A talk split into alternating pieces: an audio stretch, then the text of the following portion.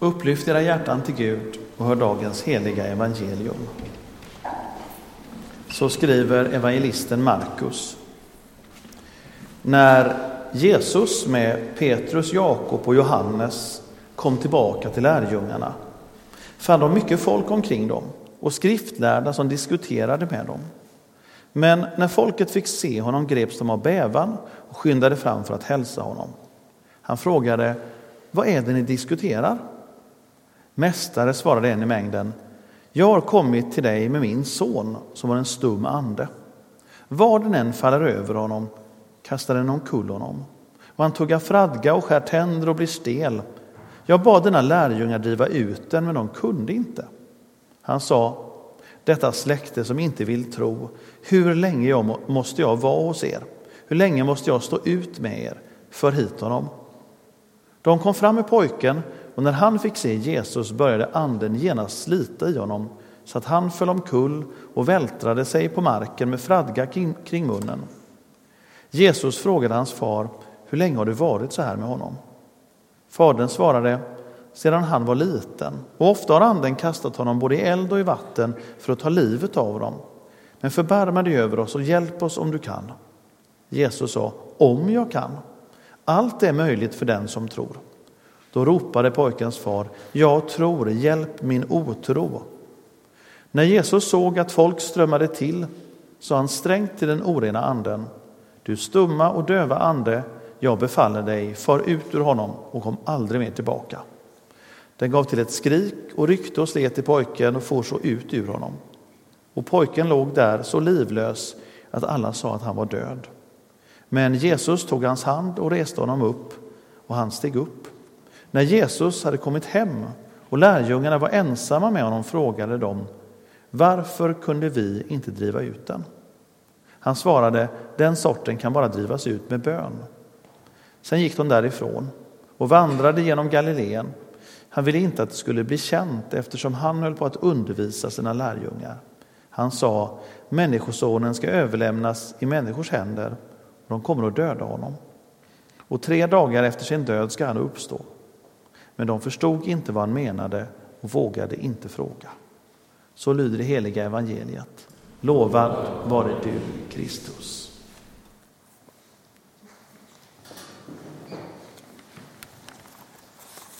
När, eh, när jag kommer till sådana här bibelställen eh, med konfirmanderna, eh, för det, där går jag ju igenom hela Jesu liv och alla sorters under han gör. När jag kommer till ett sånt här bibelställe, Eh, en sån här text, att Jesus befriar en pojke från en oren ande. Då är det en kommentar jag brukar ge till start för att de ska förstå. Och det är att de ska inte tänka utifrån skräckfilmer när, eh, eller tv-program när man läser ett sånt här eh, ställe. Så att så här i dagens predikan så är det inledningen då. Tänk inte på skräckfilmer när vi möter ett sånt här under av Jesus. Och det här är lite opedagogiskt för nu sitter alla och tänker på skräckfilmer för att jag sa det. Eh, men hela poängen är att vi ska inte använda nöjesbranschen, tv-program och film för att förstå ett utmanande bibelställe. För det kan vi ju direkt känna att ja, men det här kommer som en beskrivning av någonting som kanske inte riktigt är vanligt i vår vardag eller som vi brukar tänka. Eh, då är ju filmer kanske inte en säker källa. Det är inget bra redskap för att ge sig på svåra bibelställen. Utan tvärtom är det ju så att vi ska använda Bibeln för att förhålla oss till en på många sätt svårtolkad och svårförstådd värld. Vi måste starta i rätt sak för att förstå det som är svårt. Och det vi önskar i ett sådant läge när vi ställs inför något obegripligt, jag är sån i alla fall, det är ju att vi inför Bibeln i våran bön ska få ett sånt där underbart gudsmöte. Där Jesus visar sig för oss vi ser honom, vi ser hans gudomliga härlighet och allting faller på plats i förhållande till honom. Allt blir förklarat, allt blir lättbegripligt. Det är underbara stunder när vi har det så, möten med Jesus. En bön är ju att vår tro ska få rymma mycket mer av just sådana möten med Jesus. Och lärjungarna, de har precis haft en sån stund med Jesus. Petrus, Jakob och Johannes har varit på förklaringsberget med Jesus. De kommer precis ner. Där uppe har Jesus visat sig, uppenbarat sin gudomlighet för dem. Där var tron lätt för lärjungarna. Jesus var tydlig. Och så kommer de ner från berget.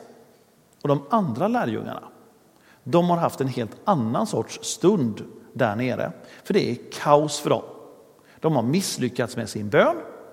De har, det har kommit en som sökt hjälp och de har inte kunnat ge hjälpen han önskar. De kan inte förklara varför.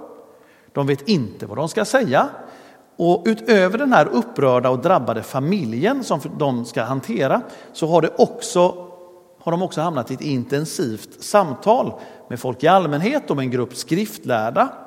Så att frågor ställs och teorier kastas fram, argument ställs mot varandra. Och i det kaoset står lärjungarna och försöker göra sitt bästa. Eh, och det går inte bra. Det är läget som vi hittar den stora lärjungaskaran i. Jag tror vi kan känna igen oss i det också. Motsatsen till förklaringsberget, den här förvirringsslätten som lärjungarna står där nedanför berget och allting är bara kaos.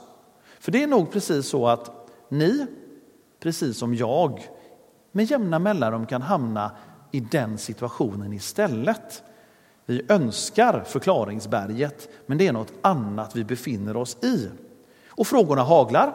Varför är det så här? Varför drabbar detta mig? Varför ser världen ut som den gör? Varför funkar inte tron? Varför gör inte Gud någonting när vi ropar?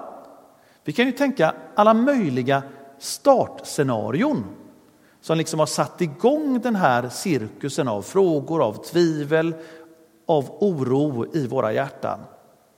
Det finns alla möjliga situationer som kan vara starten för var och en av oss. Men jag tror vi alla har varit där. Och så är det så att tack och lov så kan Jesus komma in i sådana situationer så att vi får be honom om hjälp. Han är hos oss där i det kaoset också. Inte bara i de där lugna, avskilda, underbara stunderna. Jesus löser ju hela situationen när vi kommer in i den här händelsen i Bibeln. Pojken som har plågats, han blir fri. Det är ju det viktigaste att ta med sig från den här texten. Från den här händelsen i Jesu verksamhet. Pojken blir fri. Och när vi närmar oss det här med att det finns en andlig verklighet som vill oss illa, för det är ändå det som ligger i bakgrunden, så är ju det här det viktiga. Jesus gör oss fria. Jesus är starkast. Och det här är inget problem för Jesus. Han är inte det minsta orolig eller rubbad i sin tro eller sin trygghet. Han blir inte tveksam på vad han ska göra. Han har koll på läget. Det är väldigt mycket som kan lämnas oförklarat i den här bibeltexten om onda andar till exempel. Och Det är för att vi behöver inte fördjupa oss i det. Uppenbarligen så var inte det så viktigt för Jesus att förklara att han gjorde det. Det var inte så viktigt. Men att han har koll på läget, att han kan göra oss fria, det är det viktiga att ta med sig. Och det är klart det kan finnas sånt som skapar oro, som känns otäckt. Men Jesus kan hjälpa. Och så är det viktigt att påminna oss då om att onda andar, när de förekommer i evangelierna, så är inte de den enda förklaringen till det onda och svåra som drabbar människor. Det måste vi också ha med oss i tankarna. Det är inte det som Jesus hela tiden löser problem med, att säga att det är orena andar. För det mesta så är det helt andra saker han gör. Han ber om helande och det är något annat. Han ger, han ger nåd och förlåtelse, det är något annat. Så vi inte blandar ihop de här sakerna. Ingenting blir bättre av att vi liksom letar efter fel förklaring till det som händer. Det finns massor av ont och svårt som händer för att världen helt enkelt är sån. Och så funkar vi människor. Så behöver vi inte hitta en förklaring utanför det. Det kan vara nog så svårt att förstå och förklara för oss varför vi människor är som vi är och gör som vi gör. Varför världen blir som den blir när det är vi som styr den. Och det är i den här situationen som nu pappan i evangeliet säger en enormt viktig replik i hela den här evangelietexten. Jag tror. hjälp min otro. Jag tror, hjälp min otro. När vi är i det där kaoset och förvirringen och frågorna som kommer, då är det en bekännelse och en bön som vi får stämma in i och som Jesus lyssnar på. För vi både tror och tvivlar samtidigt. Så är det att vara människa, så är det att vara en Jesu lärjunge. Särskilt när livet blir svårt eller när omständigheterna runt omkring oss skapar en massa frågor. Eh, vi kan ju se om ni känner igen er i min beskrivning, men jag tror att jag inte är så där unik i det här. För ibland så upplever jag det, efter mina år som, som troende, så här att ibland är det lätt att tro med huvudet. Det funkar jättebra.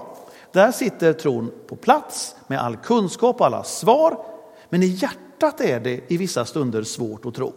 Där är det krångligare, för känslorna hänger inte med i att tro på Jesus, även om vi har teoretiska svar på allting. Men ibland så är det tvärtom. Nämligen så här att i huvudet så är det fullständigt kaos när det gäller att förklara varför saker är som de är. Inga svar verkar stämma med det vi ser i världen. Men i hjärtat sitter tron ändå tryggt och stadigt. Det funkar i alla fall att tro, även när tankarna inte är med. Ibland så funkar det på båda ställena. Då är vi på förklaringsberget, allt är jättebra. Ibland är det liksom magert och svagt på båda ställen med tron. Fast vi önskar ändå tro. Sen har vi det där med livet och gärningarna. Alltså hur tron nu tar sig uttryck i hur vi lever. Det kan vara lätt ibland för tron att ta form i det vi borde göra för alla våra medmänniskor när det gäller att lyda Gud. Men ibland så är det ju liksom sådär att tröskeln är enormt hög. Vi vet vad vi borde, men så blir det så svårt att göra det. Också det är ju ett problem där tron och tvivlet, där tron och otron har ett utrymme i oss samtidigt. Det är ju som Paulus säger att det jag vill, det gör jag inte. Och det jag inte vill, det gör jag. Det är ju hans brottning som han ger uttryck för där också, med att tron och otron finns i oss samtidigt. Och det är när Jesus hör oss i ett sånt läge. Det är ju det som vi får höra om i den här berättelsen från evangeliet. Någon som i det läget av brottningskamp mellan tron och otron i hans tankar, i hans hjärta, i hans liv. Det är där Jesus kommer och hör bönen. För den här långa och rätt utmanande bibeltexten den kan ju sammanfattas i två poänger. Det ena är att Jesus har all makt. Att ondskan därför, oavsett vad ondskan kommer av, oavsett hur ondskan förklaras, så måste den alltid vika sig för Jesus. Jesus har all makt och det får vi ta med oss. Och det andra är, lika viktigt här nu, Jesus hör vår bön. Han hör vår bön och kommer till våran hjälp. Mitt i all den blandning av tro och otro som ryms i våra liv. Och Vi kan möta Jesus på våra förklaringsberg. Det är underbart, det är något att längta till, det är något att be om. Det är något att liksom vi som församling ska jobba för, att det ska finnas mycket mer av det. Men vi får också möta Jesus nedanför det berget. Vi möter Jesus när det inte är idealiskt, när det inte är perfekt, när det inte är enkelt, utan precis tvärtom.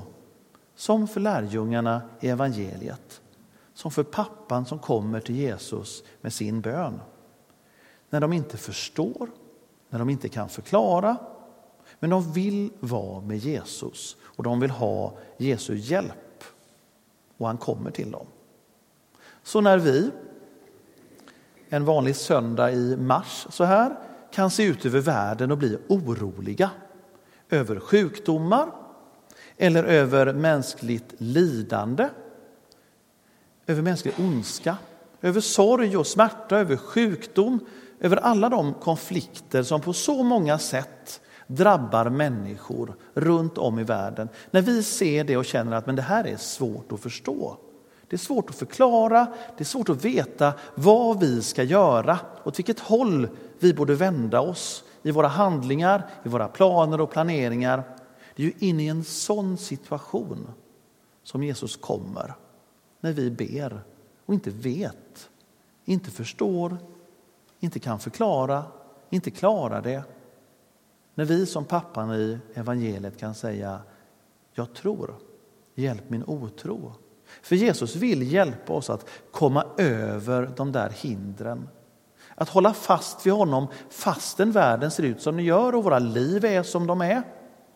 Vi vill ändå in i en sån situation ha Jesu hjälp.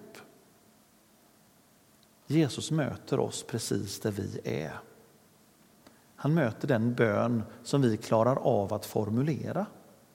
Han kommer till vår hjälp.